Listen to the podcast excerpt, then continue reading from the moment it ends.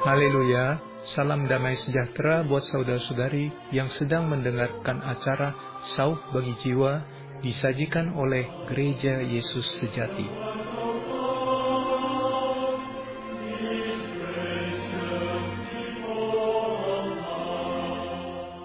Judul hari ini, Sebatang Rumput.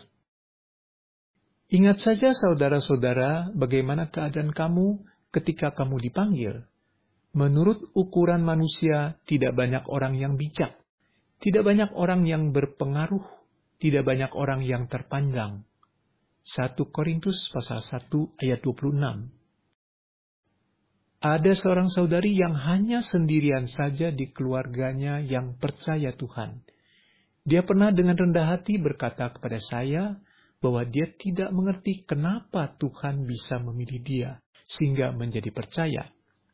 Dia tidak tahu apa yang ditaksir oleh Tuhan Yesus pada dia, sehingga dia terpilih. Dia merasa anggota keluarganya yang lain lebih layak dalam segala aspek daripada dia.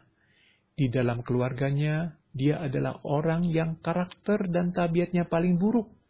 Otaknya paling bodoh, tampangnya juga paling jelek. Dia mengatakan dirinya seperti sebatang rumput, tidak sebanding dengan keluarganya yang lain yang seperti bunga. Dia tidak mengerti mengapa justru dia yang beroleh anugerah keselamatan. Saya pikir saudari ini sungguh rendah hati. Bila dia benar-benar adalah bertampang jelek, maka semua perempuan di dunia ini akan meratap, mengertakkan gigi. Bagaimanapun adalah baik rendah hati, karena Tuhan menegakkan kembali orang yang tertindas yaitu orang yang rendah hati. Mazmur 147 ayat 6. Dan orang yang rendah hati dikasihaninya. Amsal pasal 3 ayat 34. Sebetulnya Tuhan memilih kita bukanlah karena kita lebih baik dari orang lain. Itu melulu adalah kasih karunia. Logika Tuhan dalam memilih umatnya sangat berbeda dengan logika dunia dalam memilih orang. Karena itu, ingat saja, saudara-saudara, bagaimana keadaan kamu ketika kamu dipanggil. Menurut ukuran manusia, tidak banyak orang yang bijak, tidak banyak orang yang berpengaruh, tidak banyak orang yang terpandang.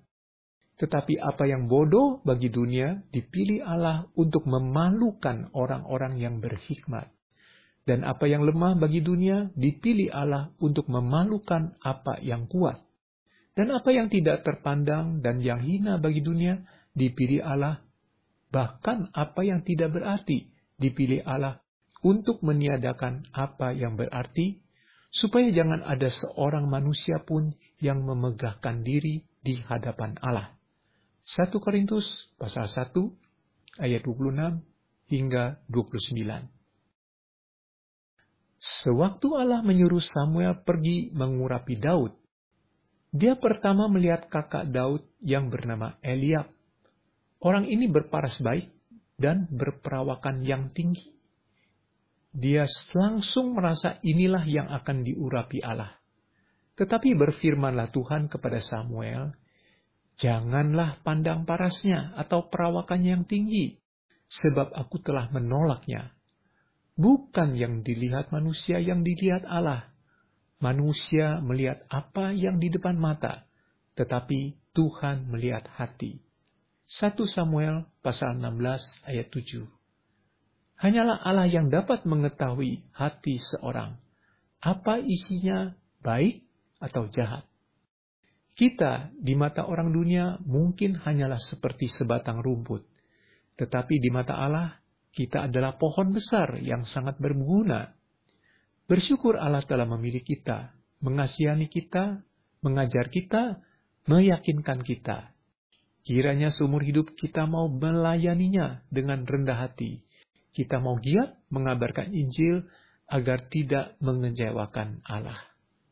Tuhan Yesus memberkati kita semua. Amin.